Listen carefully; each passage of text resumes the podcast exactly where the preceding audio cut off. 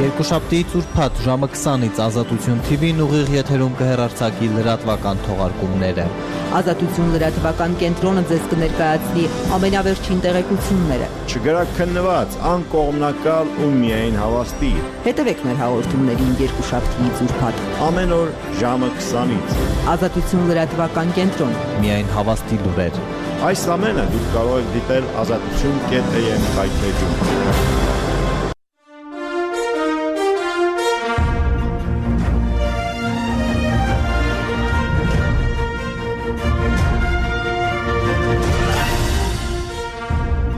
Այժմ իմ հյուրը վերլուծաբան Տիգրան Գրիգորյանն է, պարոն Գրիգորյանը Ղարաբաղի հարցի այն գիտակներից է, որին հաճախ վկայակոչում են նաև արևմտյան վերլուծական կենտրոններում։ Հիմա մենք էլ օգտվենք հնարավորությունից եւ փորձենք հասկանալ, թե ինչ է կատարվում հայ-ադրբեջանական բանակցային գործընթացում, ինչ տեղի ունեցավ Սանկտ Պետերբուրգում, որտեղ ոչ պաշտոնական հանդիպումներ ունեցան Հայաստանի ու Ադրբեջանի ղեկավարները։ Շնորհակալություն ձեր ժամանակի համար, պարոն Գրիգորյան։ Այսպիսով մենք ականատես եղանք, թե ինչպես են խոսում Ալիևն ու Փաշինյանը ԱՊՀ գագաթաժողովի ընդմիջումներին, լուսանկարներն ու փոքրիկ տեսանյութերը սակայն բավական խոսուն են։ Թեև այդ զրույցները չի կարելի համարել բանակցություն, այդուհանդերձ ակնհայտ երևում է, որ Փաշինյանն ու Ալիևը չեն զրուցում եղանակի կամ ֆուտբոլի մասին։ Ինչ կասեք։ Բարև ձեզ, պարոն Թամրազյան, շնորհակալություն հրավերի համար։ Այո, կարծես թե խաղաղության պայմանագրի շուրջ բանակցությունները մտնում են եզրափակիչ փուլ։ Լսում ենք տարբեր հայտարարություններ թե Բաքվից եւ թե Երևանից դրա մասին։ Բավականին հետաքրքիր զարգացումներ են տեղի ունենում այս օրակարգում, մասնավորապես եթե հետևենք ադրբեջանցի բարձրաստիճան մի շարք պաշտոնյաների հայտարարություններին, ապա կտեսնենք, որ կարծես թե կա միտում այս օրակարգում արկա խոչընդոտները հանել մեծ հաշվով խաղաղության պայմանագրի տեքստից եւ խոսքը մասնավորապես սամանային փաթեթին է վերաբերում Հիկմետ Հաջիևը Ալիևի արտաքին հարաբերությունների հարցերով օկնականը մի շաբաթ առաջ կամ 10 օր առաջ հայտարարեց, որ միգուցե սամանի որոշման հարցը արժե հանել խաղաղության պայմանագրի օրակարգից կամ տարանջատել այդ օրակարգից դրան հաջորդեց Հայաստանի ազգային ժողովի նախագահ Ալեն Սիմոնյանի հայտարարությունը այն մասին, որ սա զարգացում է, որը Հայաստանը չի բացառում, այսինքն ինչի ականատեսն ենք այստեղ այս օրակարգում, որտեղ գլխավոր խոչընդոտը Լեռնային Ղարաբաղի հետ առնչություն ունեցող հարցերն էին, առաջ է շարժվում հենց այս տրամաբանությամբ։ Մյուս այլ կարևոր խոչընդոտը, որ հենց սահմանային փաթեթներ օրակարգից հանելը։ Այստեղ հիշեցնեմ, որ կան կարևորագույն խնդիրներ եւ մասնավորապես սկզբունքների եւ քարտեզների վերաբերյալ համաձայնությունը դելիմիտացիայի մասին է խոսքը ադրբեջանի զորքերի հետ քաշումը Հայաստանի սուվերեն տարածքներից անկլավների հարցը, այսինքն կարող է ստեղծվել մի իրավիճակ, որ այս հարցերին լուծում չի տրվում, բայց ստորագրվում է ինչ որ փաստաթուղթ սկզբունքների վերաբերյալ։ Մեկ այլ բարձրաստիճան պաշտոնյա Էլչին Ամիրբաևը, որը Ալիևի հատուկ հանձնարարություններով դեսպան է եւ որը այս փուլում առանցքային դերակատարություն ունի հենց հայ-ադրբեջանական բանակցություններում նշում է նշել է նաև օրերս, որ միգուցե այդ երաշխիքների մեխանիզմի շուրջ հնարավոր լինի ստեղծել երկկողմ հանձնաժողով, այսինքն երբ նախկինում Հայաստանը խոսում էր կայուն երաշխիքների մասին կամ պայմանագրի իմպլեմենտացիայի մասին, միշտ նկատի էր առնում այն հանգամանքը, որ ինչ որ միջազգային դերակատարներ կամ խաղացողներ պետք է նաև մասնակցություն ունենան այս մեխանիզմում։ Հիմա Բաքուն փորձում է առաջ տանել երկկողմ ձևաչափը նաև այս հարցերում։ Մի խոսքով, եթե այս տրամաբանությամբ գործընթացները առաջ շարժվեն, ապա շատ հավանական է, որ փաստաթուղթ կստորագրվի, բայց པարզ չի լինելու, թե այդ փաստաթուղթը ինչի մասին է լինելու, որովհետև որևէ առանցքային հարցի լուծում չի տրվելու, կողմերը պարզապես ճանաչելու են միմյանց տարածքային ամբողջականությունը։ Հայաստանը այդ փաստաթղթով մեծ հաշվով լեգիտիմացնելու է Ադրբեջանի գործողությունները Լեռնային Ղարաբաղում, այսինքն լեգիտիմացնելու է էթնիկ զտումը եւ փոխարենը ոչինչ չի ստանալու։ Այսինքն այն բոլոր կարևոր հարցերը, որոնց լուծման համար էլ տարվում են այս բանակցությունները, մնալու են արկախված։ Հիմա խոսենք ուղիղ երկկողմ բանակցությունների ձևաչափի մասին ըստ էության Հայաստանը տեղի տվեց եւ համաձայնեց չմիջնորդավորված բանակցությունների մեջ մտնել Ադրբեջանի հետ։ Արդեն սահմանին հանդիպեցին փոխվարչապետները, հաջորդը արտգործ նախարարները կլինեն հավանաբար, որին գուցե գուցե կհաջորդի նաև ուղիղ բանակցություններ Նիկոլ Փաշինյանի ու Իլհամ Ալիևի միջև բայց իհարկե հայկական կողմից հնչող մեկնաբանություններում նշվում է որ այդ հանդիպումներում պայմանագիր չի ստորագրվելու դրանք միայն բանակցություններ են լինելու ինչ եք կարծում այդ ձևաչափը հիմնականն է լինելու թե այդուհանդերձ եվրոպական ու ամերիկյան հարթակները ուրեմն վերջում կմիանան եւ ականատեսը կլինեն, այսպես ասած, կամ երաշխավորը կլինեն այդ խաղաղության պայմանագրի։ Այսինքն ես նկատի ունեմ այն, որ վերջնական եզրափակիչ փուլը կլինի հենց արևմտյան հարթակներում ստորագրվող այդ փաստաթղթի ստորագրման արարողությունը եւ դրա հետ առնչվող բոլոր մյուս իրադարձությունները։ Խնդրեմ։ Դե կարծում եմ, այո, Բաքվին հաջողվել է գործընթաց տանել դեպի երկկողմ ձևաչափ։ Դուք նշեցիք սահմանային այդ հանձնաժողովների ձևաչափով հանդիպումների մասին, ինչպես նաև Բաքվի կողմից այն հայտարարություններին, որ միգուցե նաև արգոսնախարարները հանդիպեն սահմանին, բայց կարծում եմ այլ ձևաչափերով հանդիպումներ են տեղի ունենում։ Նույն դեկտեմբերի 7-ին տեղի ունեցած այդ պայմանավորվածությունը པարզ է, որ դրան նախորդել էին ինչ որ բանակցություններ, ինչ որ ձևաչափերով, որոնց մասին երևի հանրությանը չի հայտնվել։ Այդ առումով Ադրբեջանը հստակ նպատակ էր դրել եւ հասել էր այդ նպատակին։ Չեմ կարծում, թե ի վերջո Բաքվում նախատեսում են ինչ որ դերակատարություն արեմտյան խաղացողների համար, ինչպես արդեն նշեցի, նույնիսկ այդ երաշխիքների մեխանիզմի հարցում Բաքուն փորձում է գնալ երկկողմ ձևաչափով կամ մասնավորապես պրոիշխանական փորձագետները Ադրբեջանում նշում են, որ ինչ որ նեյտրալ երկրներ կամ նեյտրալ կազմակերպություններ կարող են նմանատիպ դերակատարություն ունենալ, այսինքն հստակ կա Բաքվի մոտ մտադրություն բացառել կամ նվազեցնել արևմուտքի դերակատարությունը այս գործընթացում, մինչև այս փուլը կարելի ասել, որ նրանք արդյունավետորեն կատարում են դա եւ ես չեմ տեսնում որևէ նախադրյալ, որ ինչ որ փուլում Հայաստանը կամ թեկուզ նույն արեմտյան խաղացողները կարող են կարողանալու են Բաքվին պարտադրել այլ տրամաբանություն։ Մասնավորապես երբ Հայաստանը ընդունել է Ադրբեջանի խաղի պայմանները, մեծ հաշվով գնալով այդ բանակցություններին երկրորդ պլան է մղվել արեմտյան հարթակները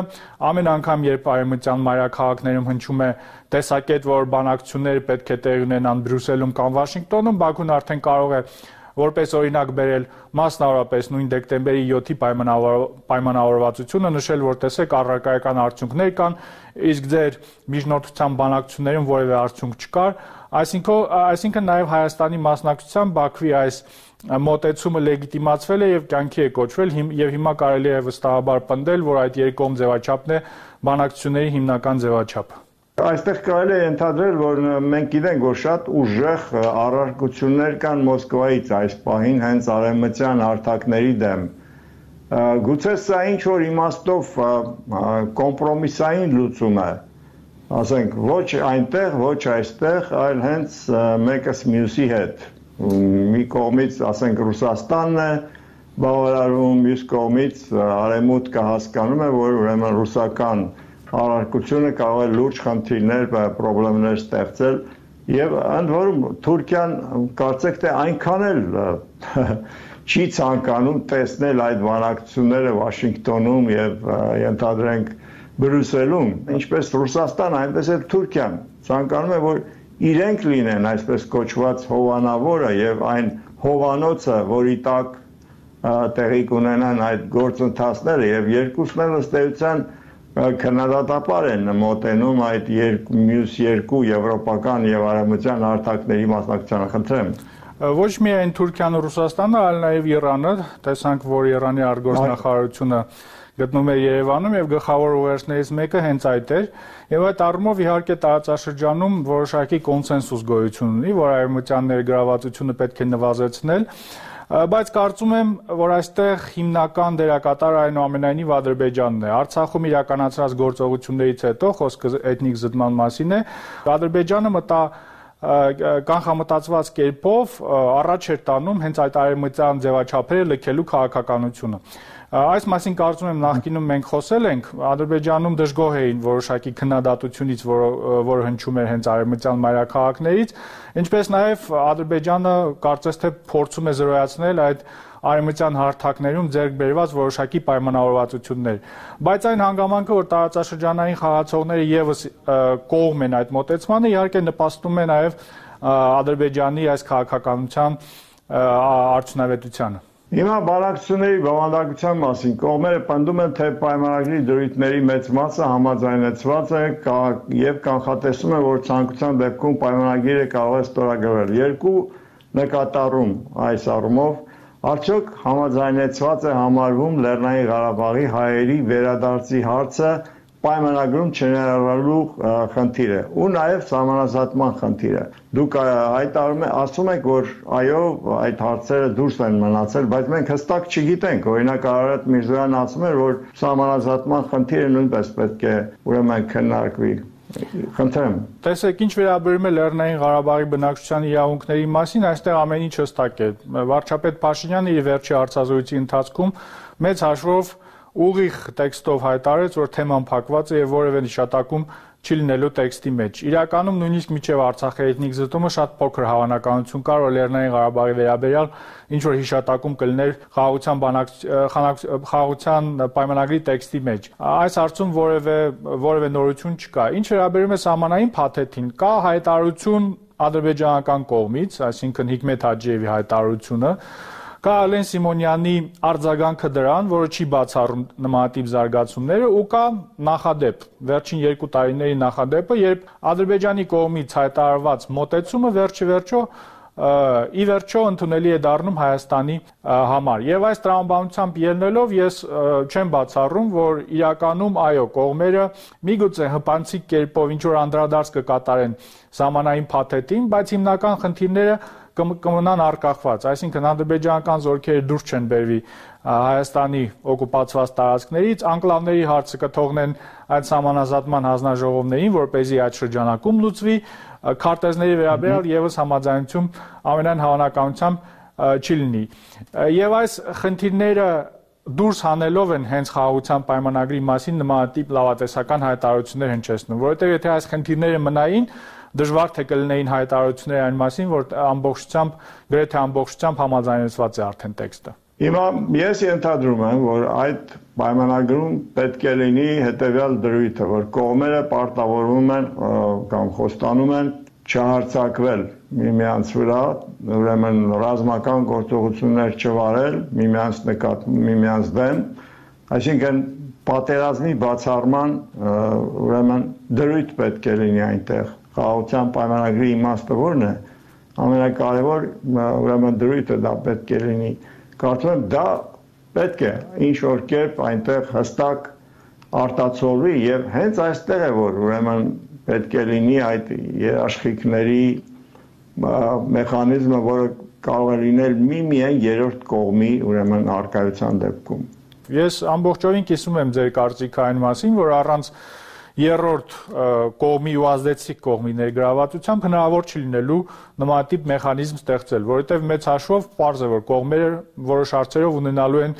տարբերվող տեսակետներ կամ եթե ապագայում եւս ինչ որ էսկալացիաներ տեղի ունենան, པարզ է որ ելի երկկողմ ձևաչափով դժվար է լինելու հասկանալ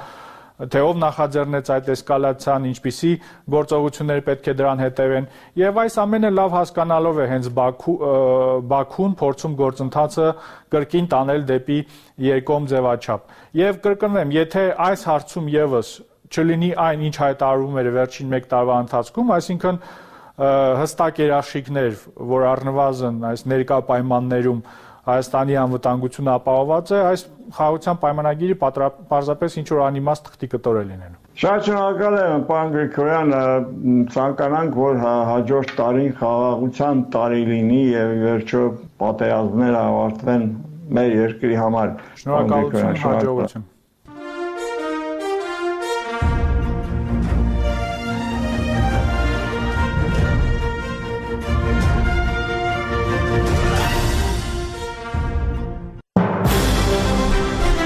Երկուշաբթիից ուրբաթ ժամը 20-ից Ազատություն TV-ն ուղիղ եթերում կհեռարձակի լրատվական թողարկումները։ Ազատություն լրատվական կենտրոնը ձեզ կներկայացնի ամենավերջին տեղեկությունները։ Չգրակ քննված, անկողմնակալ ու միայն հավաստի։ Հետևեք մեր հաղորդումներին երկուշաբթիից ուրբաթ։ Ամեն օր ժամը 20-ից։ Ազատություն լրատվական կենտրոն։ Միայն հավաստի լուրեր։ Այս ամենը դուք կարող եք դիտել ազատություն.am կայքեջում։